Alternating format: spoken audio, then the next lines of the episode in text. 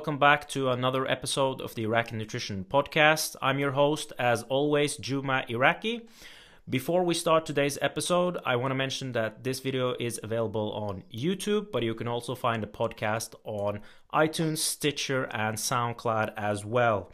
So today's guest is actually someone that has been frequently been recommended to me to bring on the show. So I'm really glad that we got the opportunity to get him on the show today. So first off, welcome Dr. Andy Galpin. Thank you for taking the time to be on the show today. It's a pleasure to connect, man. I've been following your stuff for quite some time, so I was uh, a bit starstruck when you finally asked me to come on. So thank you so much. So before we start with today's topic, uh, could you give the listeners uh, introduction about yourself? Sure. I am uh, currently uh, an associate professor at Cal State Fullerton. So I run both uh, what's called the Center for Sport Performance. I'm the director of that uh, within that center, we've got about seven uh, laboratories uh, that all study, and the purpose is to study and disseminate research that improves human performance. So we have biomechanics, exercise physiology, sports psychology, motor control, motor learning, kind of the whole breadth, strength conditioning. And then my laboratory within that is called the Biochemistry and Molecular Exercise Physiology Laboratory. So we take biopsies of athletes and and uh, study the molecular and cellular aspects of performance and training and hypertrophy and, and all that other stuff. So my job is to perform and disseminate research in those greater areas, and I teach in similar areas as well as nutrition, and I work with athletes uh, from typically combat sports, so professional boxers, wrestlers, MMA fighters, and and um, and the like. So it's a little bit research, a little bit of application, but a little bit of teaching as well. Awesome. Sounds like a awesome job and a great combination that you have different things that you're able to work with. So, what type of research areas are you specifically interested in? Well, we do, like I said, anything that falls under the human performance umbrella. So, I'm kind of the anti Brad Schoenfeld, if you will, mm-hmm. where it's kind of like does the exact same study over and over again, but changes one variable. Mm-hmm. I mean that as a compliment, by the way. Yeah, yeah like that that's a very very good way to do research he answers a lot of questions uh, i will do things under a wide array so uh, for example we have a current study going on right now looking at breathing mechanics and relationships to stress and anxiety and uh, emotional levels at the same time in my laboratory we are also examining uh, the cellular and molecular responses uh, that are specific to each individual fiber type in response to acute high intensity uh, interval training. Uh, while at the same time, we have our a trial going on looking at different nutritional strategies for hypertrophy. So I'm really, I really am do quite a wide array of things that all fall under the human performance umbrella. This is this is a pro and a con, of course. There's drawbacks to that, but um, this is why I, my position is a bit unique, is because I really am able to address and go after things that uh, if, if, to me it sounds like something that'll help you in performance, I'll, I'll go and do it. So. Excellent. I really look forward to the topic that we're going to discuss today. Do you find it difficult to recruit par- um, participants for the studies when you do a lot of biopsies? Oh, never. Never. Never. Hmm. I get that question all the time, and we have a we have a list. We have a long long line, I should say, of people. We we we uh, always have time or sometimes we have a hard time recruiting uh, for any study, but it's never because of the biopsy. Mm-hmm. It's typically because we're doing things like trying to really be specific about when we call somebody a trained individual. Mm-hmm. We want to make sure that training is, is, really the same thing or whatever. So we're very specific and detailed with who we recruit, but we never have a problem getting numbers. People are typically also often very excited about getting the biopsy, so that's never a problem. All right. Uh, it's a bit different here in Nor- my experience, at least, at least, is a bit different here in Norway, where usually the biopsy is what makes people not want to participate in the study. But then again, it's usually uh, a lot of the participants are not uh, athletes by definition, so they might not be as interested in learning about these things. So that might be the cause of it. Yeah, no, you actually bring up a good point. We did one study, an epigenetic study, we did acute strength training, and we're looking at different epigenetic responses in trained versus untrained people. And the sedentary group was by far the hardest to re- recruit. Mm-hmm. Uh, that was much more difficult, but we typically use people who are well trained, uh, at least like fairly trained, it, all the way up to pretty high level athletes. Mm-hmm. So recruitment's pretty easy usually. All right.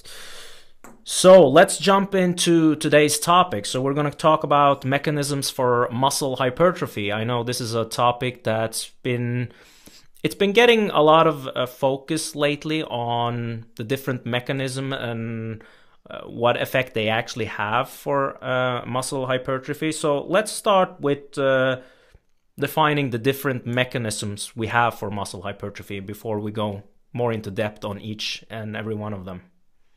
Sure. I would say before we get started, people should go and check out Brad Schoenfeld's, uh, I think it was a review from 2011 or 12. Um, and I think it's called The Mechanisms of Muscle Hypertrophy. And in that, he proposed three separate mechanisms. And it's been seven or eight or nine years now, and it, it looks like he was pretty close. Mm-hmm. So I want to make sure he gets due credit for that because he's the one that really uh, brought that to our attention. And it's a really reasonable paper to read. So at the, at the global level, it looks like uh, there's three potential drivers. Um, at least if we're talking, assuming we're talking normal, healthy people, normal skeletal muscle hypertrophy as a result of strength training type of stuff. Okay, so that caveat aside. Number one, you have mechanical tension. So this would be the actual sarcomere, the cell wall contracting with some force requirement. Number two would be metabolic stress. Uh, this is the burn, if you will, right? The, some sort of metabolite accumulation of fatigue, things like that. Um, so mechanical stress, metabolic stress, uh, and then muscle damage would be the third one. So soreness and DOMS and things like that.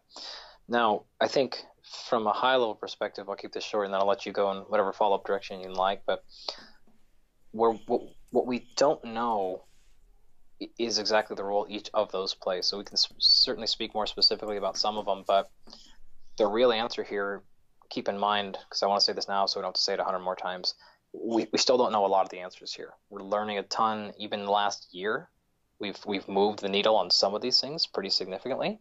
So uh, don't take this stuff as gospel, folks. I'll, I'll tell you the best I can with what we know now. But had we done this podcast a year and a half ago, my answer would have been different and it'll probably be different again in a year and a half when we learn more. So we don't know everything exactly yet. Yeah, exactly, and that's why the that's one of the reasons why I wanted to focus on this podcast because things have definitely changed in the way we understand things the, the, the last couple of years. And like you said, the Schoenfeld study that came out seven, eight years ago was um, was the the the start of when we actually started to talk about these things. But then again now lately it's been few things happening especially in social media where people are discussing if all of these mechanisms do really have an effect. So let's start with talking about the role of metabolic stress. Yep. So that's a really good one. Metabolic stress can simply be thought of as the fatigue the, the burn things like that. It's a whole combination of things. So we call it metabolic because these are the byproducts of metabolism. So this could be lactate, could be hydrogen accumulation or acid, or uh, inorganic phosphate buildup, calcium. A whole host of things contribute to this. And where this came about was honestly the blood flow restriction studies. And so what people started to find is we can have equal or close to equal hypertrophy when we do things like blood flow restriction. So you cut off blood flow to an area and then you do a, a training, and, and the training is extremely light, say 10% of your max. Well, somehow is 10% of your max resulting in hypertrophy if mechanical tension or you know you have to lift heavy to get hypertrophy. So something wasn't adding up. What we started to realize though was although the weight was low, uh, the burning was exceptionally high because you're cutting off blood flow in there, and the metabolic uh, waste products build up really fast because you don't allow blood flow in or out of the area. So you can't clear those metabolites. And so that led to people to thinking, well, maybe just simply metabolic stress was a possible way to induce hypertrophy, and clearly that that is the case. Uh, more recent data has shown there's actually a fiber type specificity there, so it looks like metabolic stress is maybe more specific to the slow twitch fibers and, and better at causing hypertrophy of those. maybe not so much in the fast twitch fibers, but that's a bit early. Having said that, the last year or so, papers have come out that have sort of challenged the metabolic theory, and it maybe looks like that isn't metabolic stress isn't playing as much of a role in inducing hypertrophy as we thought. And this is of the three, I think, the answer is more clear for muscle damage. Mechanical tension is fairly clear, but the metabolic stress thing is the one where I don't really know the exact role of uh, or that it plays in hypertrophy of a normal, healthy, trained, you know, young person on a normal diet. This type of stuff. So this is a tricky one that I'd say let's let's just really keep our thumb on that on that because we don't know a lot. Uh, we got a lot of stuff to work out because a lot of that blood flow restriction data that I mentioned, the vast majority of that is not in. It's in old individuals. It's in during bed rest studies. It's during um, extreme disuse or stuff like that. And so, what we have to understand about physiology is just because something works on one far end of the spectrum, that doesn't necessarily mean it's going to transfer over to the middle of the spectrum or the end of the, of the bell curve. And so, it's what I'm kind of getting at is perhaps metabolic stress in and of itself is sufficient to induce hypertrophy in somebody who's really low level of activity. But maybe that, I don't know here, I'm totally guessing, that, that may or may not carry over then to somebody who is kind of active and may or may not carry over to somebody who's extremely active. And we can look at good data from both high intensity interval stuff as well as just straight endurance training, because both of those can show huge amounts of hypertrophy mm-hmm. in untrained people. And so I think that is just further fodder for this concept of, well, perhaps the mechanisms of hypertrophy are different based on uh, training level, uh, physical activity levels, things like that. And, and that's where we haven't exactly cleared the path. But if I had to guess, that that's where I would go after it because you don't see things like intervals, and you don't they certainly they see things like steady state endurance exercise inducing much, if any, hypertrophy in somebody who's decent to well trained. Yeah, and I think that's a great point. Uh, I actually have experienced this myself because I had major surgery back in 2013 uh, that didn't go well. So I ended up in ICU oh. for four weeks, and basically my oh. yeah, so my whole body just atrophied horribly. And I remember when I was first able to to walk again, like just walking induced hypertrophy in my quads, and oh, I actually yeah. actually got a pump just from walking. So like the, sti- the, the the the stimuli I I needed was so extremely low from being so inactive for such a long time that it basically didn't need anything to get a response. So, but I wouldn't do it again, to be honest. Like, it's not the it's not the most fun experience I had. I had, I had, I had actually eight surgeries in two weeks due to complications from that surgery. So it was was not a fun um, fun experience, but thank God I'm alive and I'm still walking, and I'm I'm thankful for for that. Cheers to that, man. Yeah. So moving on to muscle damage, which also has been getting a lot of attention lately. I know there's been a lot of posts circulating on social media where there's also been some questions about or questioning if the damage part actually do in fact induce some muscle hypertrophy. Mm-hmm. It's really good. Um, another area, I don't think we have the full story yet, mm-hmm. uh, in this. And I would say, I would suspect it's probably fairly similar to where the gradient shifts based on your personal background.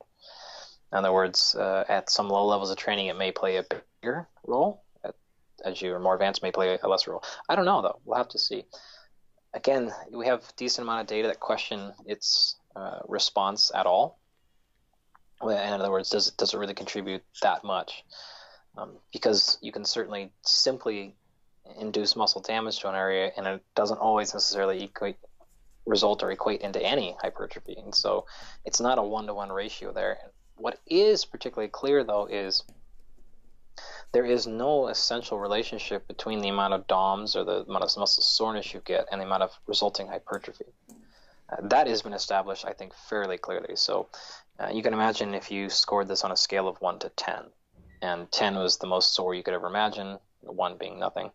Well, if you get to say a five after a workout, uh, oftentimes that'll result in some hypertrophy.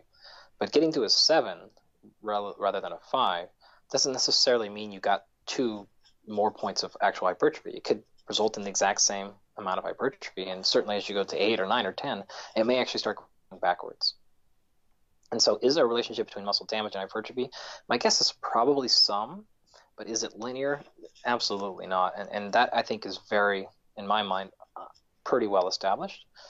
So, a rule, yes. Um, full thing, no. So, kind of piecing this together, then I think Eric Helms put out a really nice image recently, imagining a triangle. And so, if you take uh, a triangle or a pyramid, if you it doesn't matter, same thing. And you kind of broke up that whole pyramid into three sections, and we put a little equal chunks for all three of these uh, segments we talked about. Well, it's probably more realistic to think that muscle damage and me- metabolic stress occupy, you know, not equal third parts, but maybe a total combination of 20, 30%, with mechanical tension being the other 60, 70, 80% or so. And to me, I think that's the more most appropriate way to think about these three different mechanisms. Is they all may play a role, but they're not equal weight. Mm-hmm. And so we can get into mechanical tension now if you'd like, but uh, that I think is is probably the most appropriate interpretation of the current database. Yeah, absolutely. I think one of the things that you said was that there's even though people might think that there's a lot of things we know, we still don't have all the answers. But I think one of the things that's been good over the over the last couple of years is that we've been we've drawn away from the theory that there's only one specific way you have to train to get muscle hypertrophy because we see that there's different types of strategies that can be used and still induce even with like frequency load intensity, etc. Yeah, no, actually, uh, uh, that's a really good point. I'm glad you brought that up because I was going to try to find a way to sneak that in before we left this topic. But so to me, what this really means for the practitioner is I actually think it's a case for more variety in your training. Mm-hmm. And I would typically advocate that, okay, probably spend most of your time you know, again, 50, 60, 70, whatever percentage number that it, that you want it to be, doing things that are landing in that mechanical tension zone. But sometimes it's okay to do things that are super high metabolic stress or that are super damaging. Uh, just don't make sure that those things are 90% of your training. But I think this is fodder for people who uh, don't change up the stimulus with their hypertrophy training, especially if this is really all you train for. So, for example, if, if you're one of my athletes, uh, we certainly will train hypertrophy, but it typically represents a very low percentage of their overall training because we also have to work on their skill and then more for an athlete it's typically more hedged towards strength and power and speed and all these other things so hypertrophy is a small percentage but if you're just uh, say in an aesthetic sport or you're only training for the sake of hypertrophy all the time and you do three sets of 10 at 8 to 12 reps at 70% for six years straight that's not going to work out very well. Mm-hmm. And so those people, I think you, you really need to exercise extreme variation with the type of movement you're doing, the intervals you're doing, the frequency, the style of workouts, you know, isolated, split body, circuit, I, all these things I think can contribute to long-term sustained hypertrophy. And to me, this is the folk, these are the folks that need to take advantage of all three mechanisms, at least a little bit in their program. So, yeah, well, just a follow up question on the, the, the metabolic stress. There's some coaches that would advocate doing, for example, a whole mesocycle of just metabolic uh, work to and now we're talking specifically to induce muscle hypertrophy. What are your thoughts about that? Do you think that is a good strategy to break things up doing a whole mesocycle for that or should it be maybe a shorter duration where you might be focusing on these things? I would say it depends on what you define a mesocycle length to be. Mm-hmm. So if you're talking four months or are you talking two months, uh, mm-hmm. uh, I think you could get away with it for six weeks. Mm-hmm. Uh, we also need to talk about what's the length of the career we're discussing. So if we're, talking about an athlete, in my case, we often think of them in quads because uh, of four-year cycles for the Olympics. So if you're asking if it's okay for somebody to spend three months focusing on muscular endurance or uh, metabolic stress, well, three months out of a four year training cycle is not much. Mm-hmm. Right. But if, if you're more zoomed in on like you know every six month period, then I don't think you need to spend three months of a six month period doing metabolic stress. I think that's probably overkill. So the answer would depend on, on which situation we're in. Mm-hmm. Uh, but typically, I think you'd be fine focusing on just metabolic stress for four to six weeks. Uh, past that, if the primary goal is hypertrophy, yeah, I think you're probably spending too much time in the areas that are going to be um, not the biggest bang for your buck. Excellent. Now, a follow question on the blood flow restriction training, because that seems to be a lot very popular amongst a lot of people that train for muscle hypertrophy. But I'm always interested in how uh, practitioners actually use it with with client because I personally use it myself, but I limit it to using it if we're dealing with an injury, for example, because for me, I don't really see a benefit of using it as something that we need to always have in our training unless we actually have a limitation that makes us want to use a lower load and and use it in that way. What are your thoughts about that? I agree with exactly what you just said. I think you nailed it. Uh, you put the caveat okay if you have an injury you're working through or some special situation you introduce it. It's not a central i have a KAATSU device. We've done a couple of blood flow restriction studies here. I published a short um, review on it a few years ago in the strength and conditioning journal. But the the downside of it is it's going to compromise strength gains. So if you're concerned with those things then it's not a very fair game so people tend to think it's equal uh, blood flow restriction and say traditional training it's not equal. It may, in the short term, say six weeks, eight weeks, result in equal hypertrophy, but that doesn't mean it's equal overall. So you're not getting other things like strength development, which is going to then be important for later hypertrophy. So we will use it in special circumstances. To me, there's two reasons why I think you could go to it. One, special situation like injury, you know, etc., working around something, or I think it's okay to play with things. It's okay to do it for the sake of variation, for the sake of fun. Uh, tired of training? Oh, hey, go go do two weeks of BFR, or every Saturday it's a BFR day, or, whatever you want to do, right? Um, the, the, simple need for again being somebody who's strength trained for oh, 20 plus years now, like sometimes just doing different fun stuff is, is totally fine. You introduce a different stimulus, you get really sore, you have a good time. It's different to think about that to me is an acceptable thing to use so to use sparingly and judiciously and purposefully. But those are the only two circumstances i think most people have any business using bfr for. Yeah i totally i totally agree with that. Now let's move on to uh, muscle fiber types because i know this is an area where you have a lot of knowledge.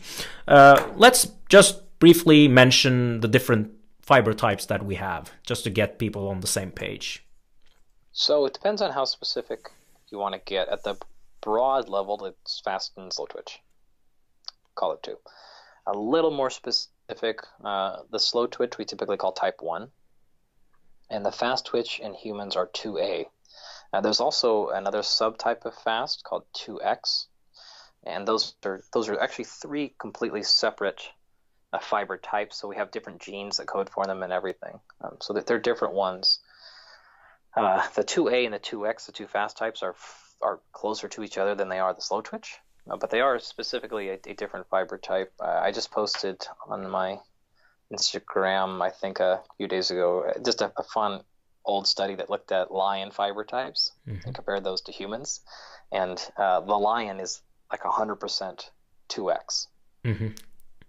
Well, humans basically don't express 2X in the pure form ever and and so it just kind of sort of shows you the difference in how structure and function, or you know, structure at least to function, because a lion will sleep 20 plus hours a day uh, and, and, do short, extreme bouts of maximal speed and power, right? Because when they are awake, when they move, uh, they're a stalk and, and pounce animal. They're an ambush animal, right? So they're not dogging and tracking anything down. They're not chasing after it like a dog would or a coyote would.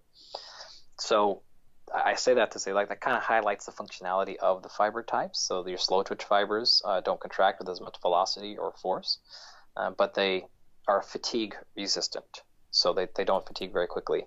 The 2A is much faster, much more powerful, um, somewhere in the neighborhood of 5 to 10 times more powerful. Um, but they fatigue quicker. The 2X fibers are about 20 times more powerful, uh, but they fatigue extremely quickly. Uh, also, a fun note: the lions, just because we're having fun here, uh, their muscle fibers are actually a lot smaller than humans. Um, but even when equated for size, uh, their 2x fibers are still about three to five times more powerful than our 2x fibers. So it's one of the reasons why felines can do crazy, crazy stuff. But just to finish off this, and then we can follow up where we want to go. Um, although it is possible for humans to express the 2x fiber, we very, very, very rarely actually do so. So it, it's extremely uncommon. You're talking less than 0.1%. Uh, and in an athlete, it's almost always extremely low, zero. Um, because, having said what I just said, there's actually way more than three types because each of those can be what's called a hybrid. So you can have a single muscle fiber that is part 1, part 2A, or part 2A, part 2A, 2X, or 2X, or, or even all three. You can express all three isoforms or types in the same individual fiber. So humans actually express quite a bit of these hybrid 2A, 2X fibers, but it's extremely rare to see it in the pure only 2X form. Interesting. Now I know this is a question that a lot of listeners would would would ask. How do you actually know what type of muscle fibers you you have? Like how can you determine that? Uh, you have to get a muscle biopsy. Mm-hmm. So there are a whole host of proxies. So you can do the old classic exercise physiology Thorstensson fatigue test. So it's like a knee extension test to fatigue, and you kind of take that score, and that can estimate maybe how many 2A fibers you have. Uh, but we actually, re- that's a 45 year old study. We redid it about five years ago. And it works fine in untrained people, but it typically doesn't work very well in trained people. So that's not going to be good. There's some other stuff you can do. There's some blood work stuff. They're trying to get some imaging ultrasound stuff down there. Um, and I've looked through all those papers, but it can only get you that very high level of fast versus slow. It can't tell you one versus 2A versus 2A, and it has no clue about the hybrids. So it depends on how specific you want to get, but for the most part, if you want a real, actual breakdown, you got to get a muscle biopsy. Mm-hmm.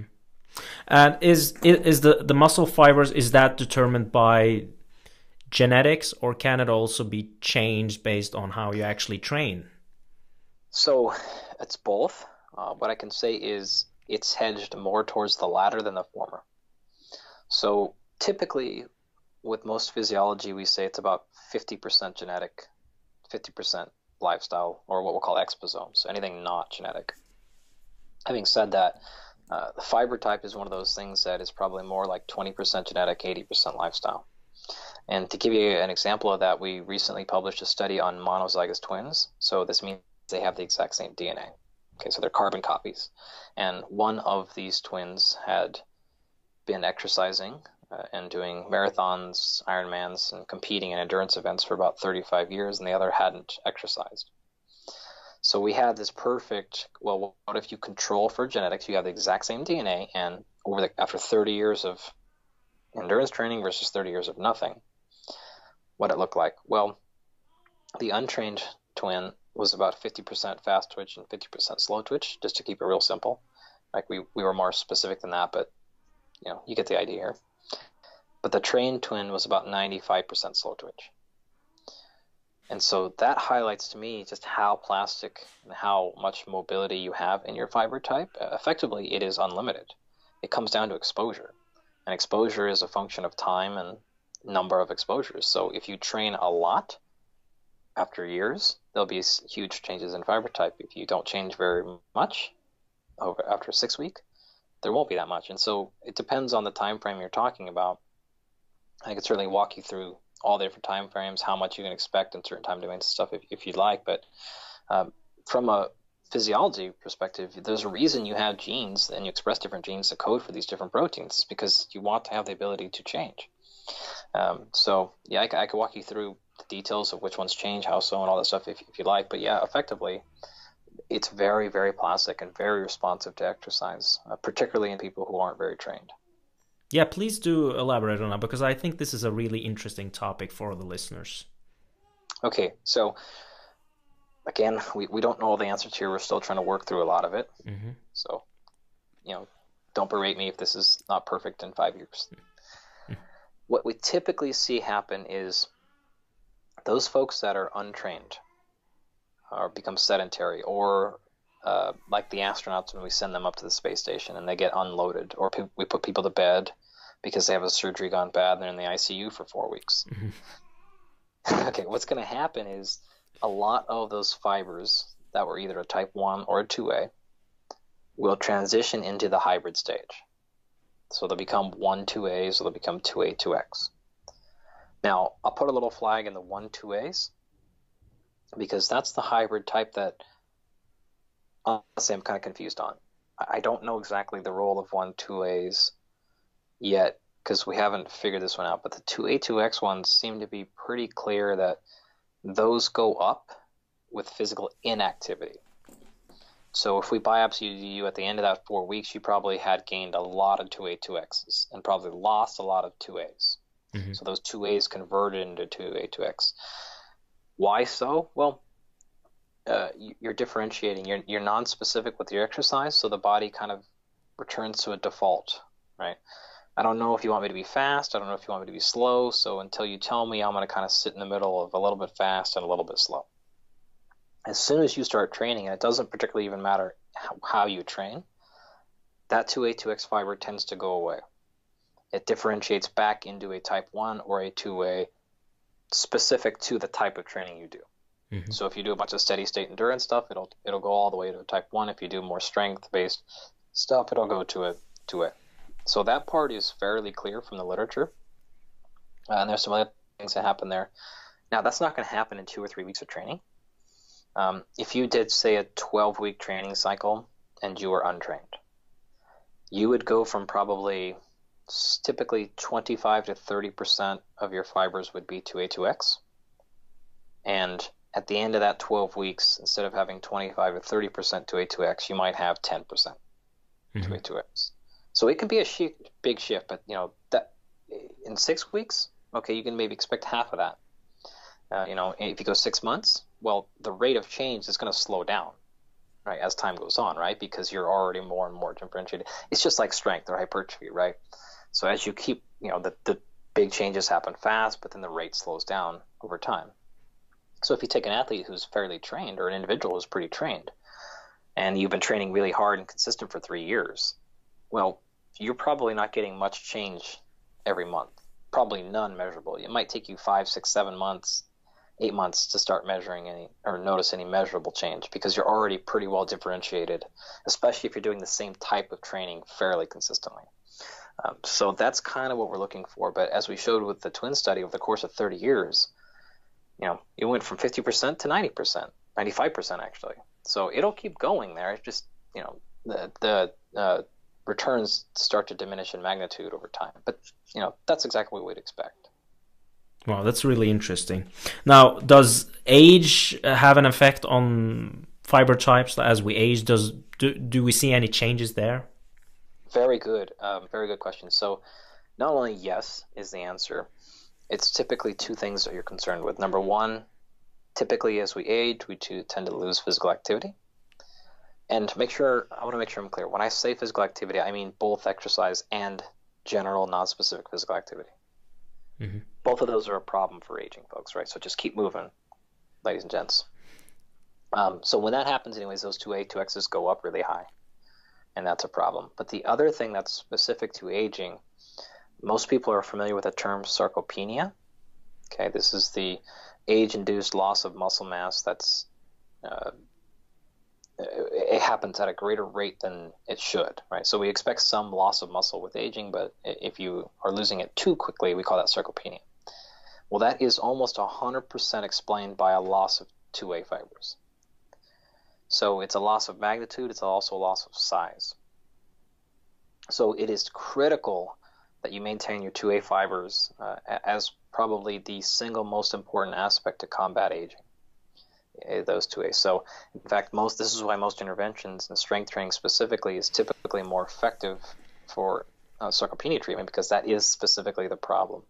We actually submitted a uh, an NIH grant. Uh, Brad Schoenfeld and I did last year because I'm not sure if you're aware that there is some talk of there being fiber type specifically specific training zones. So in other words, certain rep ranges are able to hypertrophy some fiber types better than others.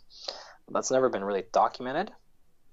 And my my contention was, well, if this is true and we can document it, and we know which rep ranges and intensities to live in to optimize 2As, well, this is something that would be perfect for anti-sarcopenia or sarcopenia treatment because we know those are the specific problems. So, because it's NIH, we didn't get it, but so I don't know the answer. But the yeah, I mean that's the logic is is fairly sound, and and the available evidence is pretty sound to support that idea.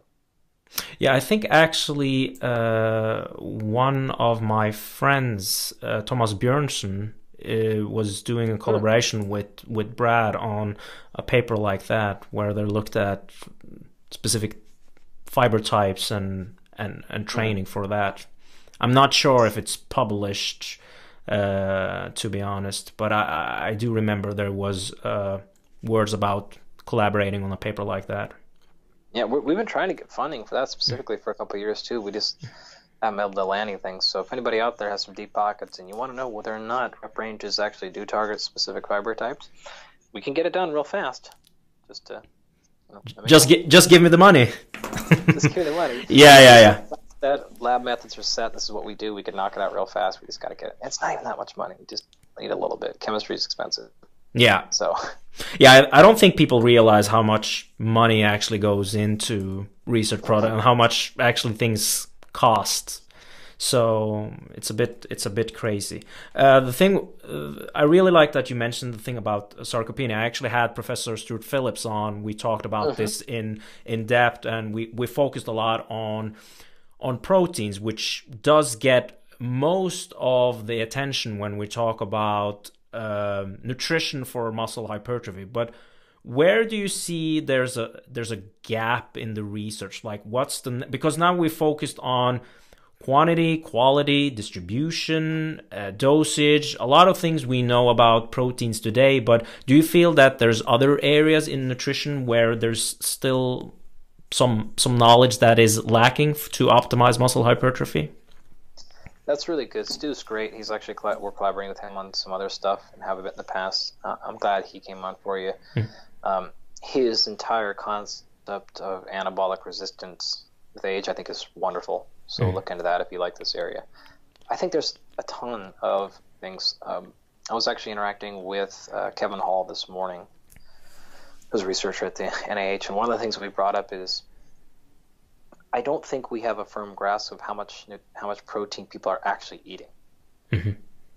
That to me is the biggest issue. Is, is we're going to start making claims about people should eat more protein, and here are the reasons why. But we don't even know what they're eating to begin with. Mm-hmm. Because all of our observational data and stuff, it's you know, it's, it's the classic. Well, take one survey. What did you eat the last twenty years? Like that's very very low quality information. I, I think we need big huge databases to say what are people actually eating because maybe they are hitting the protein recommendations that Stu hits and it's not solving the problem, or maybe they're they're incredibly low. I don't know. Stu doesn't. Nobody really knows these these data. So to me, I think that's where we need to get. Uh, we also have a ton of other unanswered questions. So one of the projects that we're working on right now are different things like uh, intermittent fasting or time restricted feeding windows are extremely popular. So uh, a colleague of mine, Menno Henselmans, I mean, you probably know Menno. I'm sure you know. Uh, he's been on. He's been on here two times. Yeah, yeah, yeah. Mm-hmm. He's great. Mm-hmm. Um, we're working together on a project. Uh, we're already in data collection on it, looking at time restricted feeding windows and hypertrophy. Um, so that's an area that I think is, is wide open. We also have uh, I still think we need to figure out this whole plant protein versus animal protein thing more. Although mm-hmm. I think we have a lot of good information there. Uh, I think we need to look at other plants, other different things to figure out okay, uh, how much more plant protein do we need? Uh, and is this different from somebody who's normally on a plant protein diet or who just started one? All this stuff I think would help us understand uh, optimal hypertrophy more. So we, we just got to get there. Uh, and then, of course, my bias is with uh, one example that uh, I'm sure everyone has heard of the post-exercise anabolic window. Okay, well, I, I think people are, are uh, not like seeing the whole boat here. Um, so, one, for example, one of the things that we're looking at right now is that window. Uh, some of our preliminary data suggests is different for each of the fiber types. Mm-hmm. And and so uh, this is an area I think we can get into. Is so it's like okay, it may be, and I'm I'm, I'm totally speculating here. This is me jumping the gun entirely. Mm-hmm. It may be that say you are more of a fast twitch person, that your need for nutrients post exercise is more or maybe less important than somebody who's comprised of a lot more slow twitch fibers. And so instead of making these blanket recommendations like, oh, it doesn't matter, 24 hour periods, the only thing that matters, etc., well, it may or may not, and it could be something like fiber type, uh, whatever that says like that's actually more important for you, or it's not more important for you.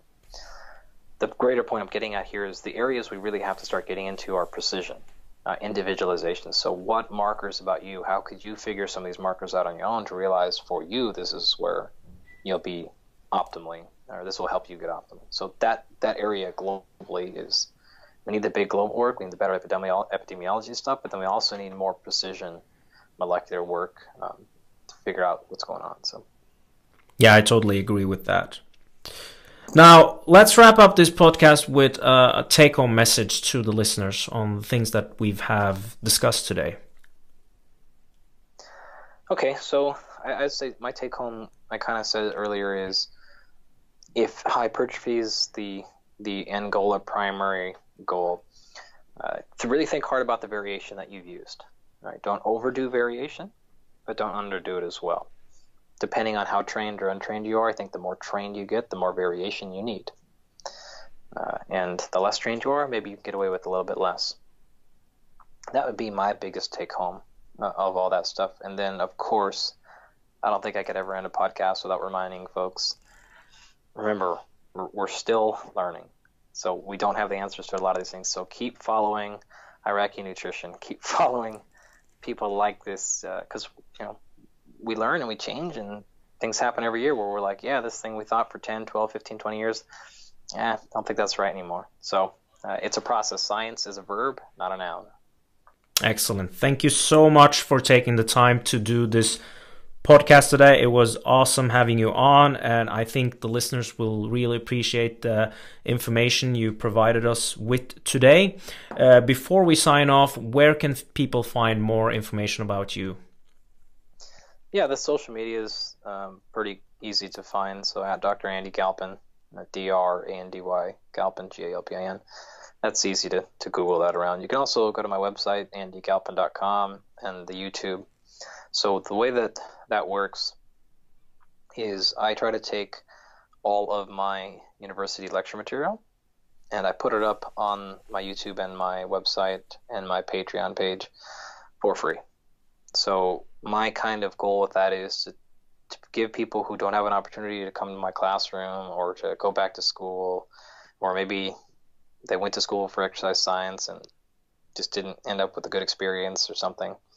And and I just want to be able to put that stuff up for free. So there's no newsletter to sign up for. I don't have an upsell. I don't even have anything to ever sell. So it's just all up there for free. And if you want to learn more about performance, nutrition, recovery, I mean, whatever it is that, that I can make. So I got all kinds of videos up there and it's, it's, it is now and will always be just scot free. Wow, that's very generous of you. And I think a lot of people will appreciate that. I'll definitely put the links for all these things down in the description so people can check that out. Uh, once again, Andy, thank you so much for taking the time to be here today. It was a pleasure to have you on. And I really hope we can do this uh, another time again, bring you on and talk about a different topic. And uh, so you can share more of your amazing knowledge with us. Sounds good, man. Anytime, just let me know. Thank you so much. All right, then. Have a good. What time is it there? It's almost bedtime here in Norway. It's uh, it's almost noon. So you caught me right between classes. All right, awesome. Then have a continued nice day, and we'll speak soon again. Okay, see you, man. Thank you. All right, bye bye.